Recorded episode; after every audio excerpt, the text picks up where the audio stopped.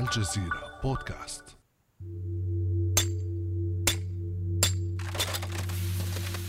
هذا صوت أنبوب إمداد الحليب بإحدى المزارع الأمريكية وقد كسر عمدا كي تنصرف كميات الحليب الطازج إلى مصارف النفايات بينما وقف العامل يراقب انتهاء العملية بملامح جامدة. في ولايتي ويسكونسن وأوهايو ألقى المزارعون بآلاف الجالونات من الحليب الطازج في البحيرات وحفر السماد وقاموا بالتخلص من أطنان من البصل والبيض. رغم هذه المشاهد فقد حذرت الأمم المتحدة من مجاعات مروعة بسبب تأثر إنتاج الغذاء بجائحة كورونا. فقد تعطلت الزراعة وبقيت المحاصيل عرضة للفساد في كثير من أنحاء العالم. بسبب القيود المفروضة على التنقل. ما دفع ألمانيا للسماح للاجئين بالعمل في حصد المحاصيل لتعويض النقص في العمالة. فكيف يوفر العالم غذاءه في ظل كورونا؟ وكيف هو حال العالم العربي على صعيد الأمن الغذائي؟ بعد أمس من الجزيرة بودكاست أنا خديجة بن جنة.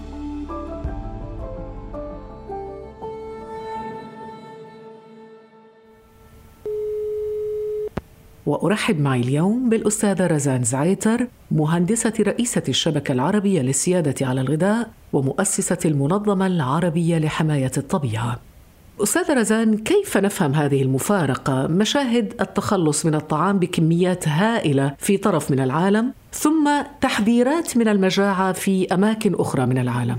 نعم سيدتي هذا يفضح فعلا النهج الإنتاجي الذي يطمح فقط للربح ويظهر ضرورة العودة للزراعة لتوفير الأمن الغذائي للشعوب نوجه الإنتاج لإطعام الناس وليس فقط للربح ولا التجارة ولا الاستيراد والتصدير. ولكن أستاذ رزان نريد في البداية أن نفهم الأخطار التي تواجه الأمن الغذائي وأن نركز ربما تحديدا يعني أكثر على العالم العربي. نعم سيدتي نحن في العالم العربي كان لدينا مشكلة كبيرة في الأمن الغذائي ما قبل كورونا. يعني تفاقمت الآن ولكن عندنا نحن في العالم العربي كنا أصلا أول من زرع القمح في العالم وكنا نصدر القمح بكميات كبيرة في الثلاثينات. قبل كورونا أصبحنا نستورد 50% من حبوبنا وأصبحت البلاد التي كانت تصدر القمح مثلا الأردن التي كانت تصدر القمح إلى روما لعمل المعكرونة أصبحت تستورد 98% من قمحها. فالوضع تفاقم الآن طبعا مع كورونا لعدم وصول الناس إلى مزارعهم لتعطل وسائل النقل للأسباب العديدة التي نعرفها بالحجر والتباعد الاجتماعي. تفاقم الوضع. طبعا هذا سينعكس سلبيا على رفع الأسعار الغذاء بشكل كبير على انعدام الغذاء أيضا لأن الدول التي كنا نعتمد عليها للاستيراد ستعطي لنفسها الأولوية في محاصيلها لتحقيق اكتفائها الذاتي. فنحن أصبحنا الآن في مأزق كبير جدا. نعتقد أن الأسعار سترتفع بوقت قريب 15% على الحد الأدنى ونعتقد أنه حسب الدراسات التي نسمعها أنه سيصبح لدينا من مليون ونص إلى خمس مليون عامل عاطلين عن العمل خاصة في الأماكن الزراعية. فوصولنا إلى الغذاء سيصبح أصعب سيصبح الإتلاف أكبر ستزيد الأزمة الغذائية العربية. ولكن الآن مع أزمة كورونا وأشرت قبل قليل أستاذ رزان إلى أن تحديات كورونا ألقت بالكثير من التداعيات على عملية الإنتاج. هنا نتحدث عن عملية إنتاج الغذاء الآن في ظل هذه القيود التي تفرضها كورونا. كيف تتم هذه العملية؟ يعني الآن عادت الأمور إلى ما يجب أن تكون بعض الشيء برأيي أنا. يعني عاد الآن الضغط وضرورة تفعيل الإنتاج المحلي في عدة أماكن والتسويق في عدة أماكن وليس فقط عبر ال supermarkets والمولات الكبيرة والتاجر الكبير. الآن الناس بدأت تتوجه نحو زراعة أراضيها في كل المناطق. حيث يمكن الزراعة والتسويق حيث يمكن التسويق. يعني نمط الزراعي أستاذة خديجة بدأ يتحول شئنا أم أبينا لما يجب أن يكون عليه وهو أن نزرع لنأكل ونزرع لنأكل حيث نكون ونعطي الأولوية لنا قبل أن نعطي الأولوية لتزويد الأسواق الكبيرة أو للتصدير. أعرف أنا في بعض البلدان مثلا لبنان الآن يتوجه بقوة نحو هذه الزراعة المحلية والأردن كمان بدأ يفكر في هذا طيب أستاذة رزان زعيتر هل تغيرت برأيك خطوط التموين عبر العالم الآن في ظل أزمة كورونا؟ ما في شك يعني انقطاع المطارات والموانئ. طبعا خطوط التموين تغيرت لأنه كما قلنا نحن في وطننا العربي نعتمد على الاستيراد ووصول الغذاء لنا أصبح صعبا جدا الآن. وحتى لو فتحت هذه الموانئ واحتاجت الدول الكبيرة التي تصدر لنا إلى مخزونها فلن يصلنا. فإذا هناك تهديد كبير لخطوط التموين.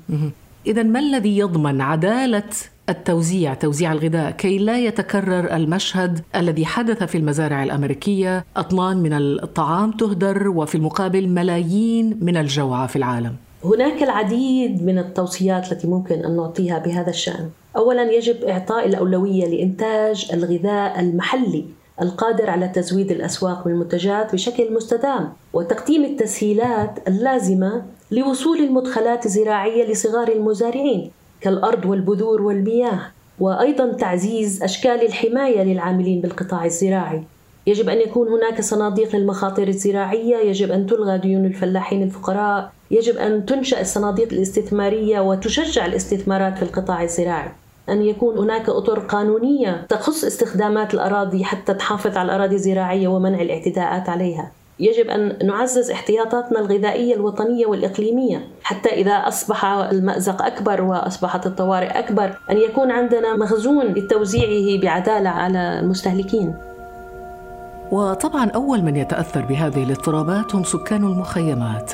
داخل خيمة بسيطة مرتبة انحنت زوجة النازح السوري أحمد عبود تمزج ما توفر لديها من مكونات لتعد وجبة شهية قدر الإمكان كي تفطر الأسرة بها في أول أيام شهر رمضان.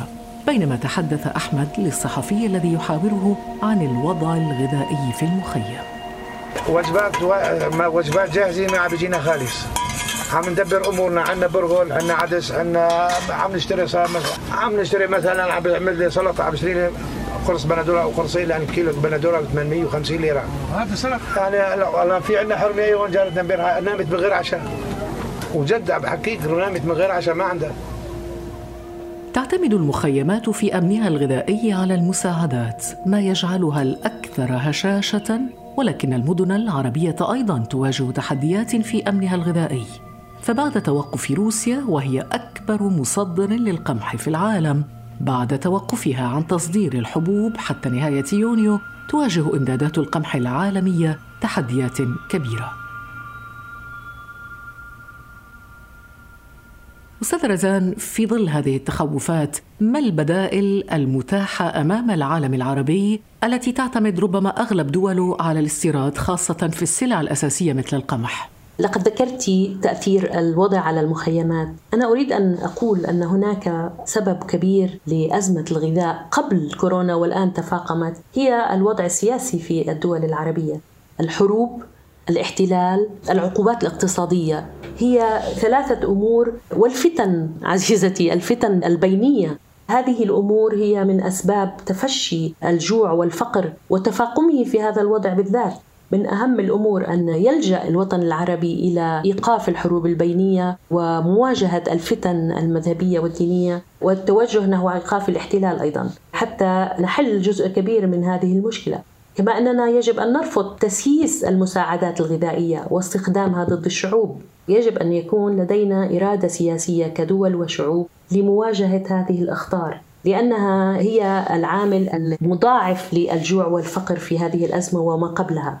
يجب أيضا أن نطالب بحقنا في عمل المنظمات الدولية العادل لبلداننا، وأعطي مثل هنا منظمة الأغذية والزراعة الدولية، فهي عطلت عملها في هذه الفترة ونطلب إيقاف هذا التعطيل والعودة إلى القيام بواجبها. يعني في معونات كبيرة كانت مرسومة للدخول مثلا إلى لبنان ووقفت الآن وهم بأمس الحاجة إليها للمزارعين خصوصا المزارعين الصغار في لبنان. كذلك أغلقت مكاتب الفاو وهي الآن الدول بأمس الحاجة لدعم هذه المنظمة في هذا الوقت بالذات أستاذ رزان زعيتر من الدول العربية من برأيك يمكن أن يواجه السيناريو الأسوأ في العالم العربي وما هي السلع المهددة؟ يعني برأينا نحن إذا كانت كورونا كشفت نقاط الضعف في الحصول على الغذاء عبر الاستيراد أنا أعتقد وأقولها بمحبة ورجاء أن تعتبر أولا دول الخليج بموضوع فقدان الغذاء لأنه الزراعة تحتاج إلى مياه وأرض ويد عاملة. أنا أعتقد إذا تكاملت وتعاونت مع الدول المنتجة التي ذكرتيها مثل العراق وسوريا ومصر وبلاد الشام والسودان والجزائر وشمال المغرب كله واستعملت مواردها لدعم الزراعة وللتبادل أظن أنه تصبح أكثر هشاشة بالنسبة لموضوع الأمن الغذائي. والسلعة الرئيسية التي يجب أن نعتمد عليها هي الحبوب والقمح. طبعا والثروة الحيوانية. تصوري أننا نستورد أيضا نصف حاجتنا من الثروة الحيوانية كوطن عربي من الخارج ونحن بلاد الثروة الحيوانية والتي نشأت عندنا أيضا. فلذلك أعتقد أن كل الدول مهددة إذا لم تأخذ إجراءات يعني حتى الدول التي تتوفر فيها الموارد. ولكن أعتقد أن الخليج مهدد أكثر. والأهم سيدتي هي فكرة السيادة على الغذاء. يعني يجب أن نقرر ماذا نريد أن نزرع وماذا نريد أن نأكل وليس ما يخطط لنا أو يطلب منا. من أهم الأسباب لفقدان السيادة على غذائنا الهيمنة الغربية والأمريكية على مصائرنا. يعني كيسنجر يجب أن أقول لك في هذا البرنامج وهذا المنبر كيسنجر أعلنها بصراحة. إذا أردت أن تسيطر على الدول سيطر على النفط. إذا أردت أن تسيطر على الشعوب سيطر على غذائهم. فإذا نحن يجب أن نسيطر على غذائنا يجب أن نعتمد على زراعتنا وأن يكون لنا سيادة غذائية. ربما يبدو هذا الخطر قريبا جدا نظرا لاعتماد العديد من الدول العربية على استيراد السلع الاستراتيجية مثل القمح الذي تصل نسبة استيراده في بعض دول العالم العربي إلى 100% رغم اشتهار وادي النيل وسهول دجلة حتى خمسينيات القرن الماضي بغزارة وجودة الإنتاج. كان الخبز حاضرا في هتافات الربيع العربي. كان أيضا حاضرا في أروقة السياسة. واستخدم الأمن الغذائي ورقة للضغط السياسي على الأنظمة العربية. فقد أوقفت الولايات المتحدة معونات القمح عن مصر بسبب موقف نظام الرئيس جمال عبد الناصر من إسرائيل.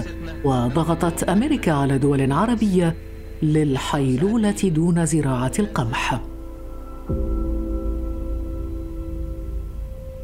أستاذ رزان زعيتر بغض النظر عن الأسباب التي حالت بين الدول العربية والاكتفاء الذاتي في سلعة استراتيجية مثل القمح هل برأيك تستفيد الأنظمة من الدرس وتزرع القمح؟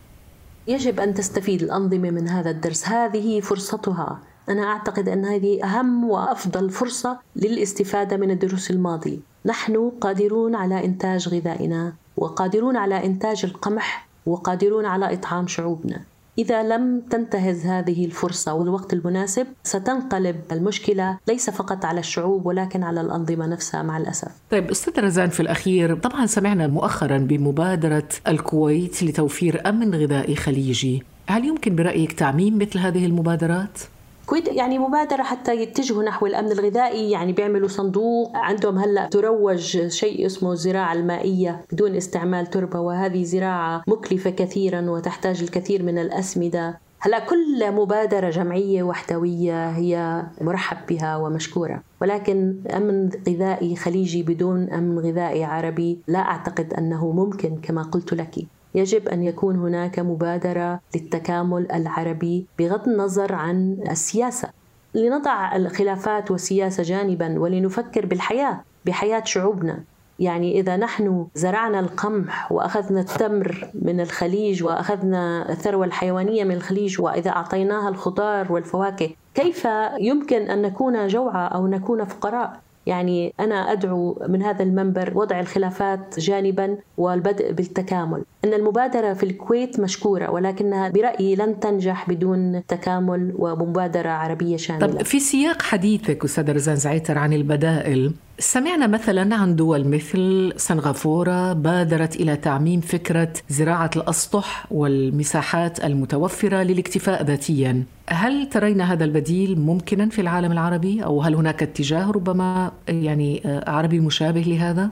نعم هذا خيار مهم جدا. هو الخيار أن تزرعي في أي متر مربع يمكن أن يزرع ويستفاد منه. لو كانت أسطح أو كانت حواكير البيوت هلأ في شيء اسمه ال green walls الجدران الخضراء. ويمكن كل بيت أن يكون له شجرة ليمون مثلا. ممكن أن يكون له خضاره الذي يستعملها في أماكن ضيقة جدا ممكن أن تزرعي. يعني العنب لا يحتاج أكثر من 30 سنتيمتر مربع ويمكن أن يصعد إلى الحائط وإلى السقف ويطعم عائلة وأسرة بأكملها. أنا جربت هذه قمت بهذه التجربة زرعت شجرة ليمون وشوية نعنع وبقدونس و...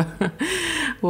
وأنتظر الإنتاج. والله يعني مهم جدا وأهنئك لأنه هذه الطريقة الوحيدة ويشعر الإنسان بسعادة كبيرة جدا لأنه يأكل محصول عضوي غير مرشوش ومسمد وملوث ويكون سيد على بيته وأكله وطعامه. بهذه النصيحة الجميلة إذا نختم هذه الحلقة. شكرا جزيلا لك المهندسة رزان زعيتر رئيسة الشبكة العربية للسيادة على الغذاء ومؤسسة المنظمة العربية لحماية الطبيعة. شكرا لك.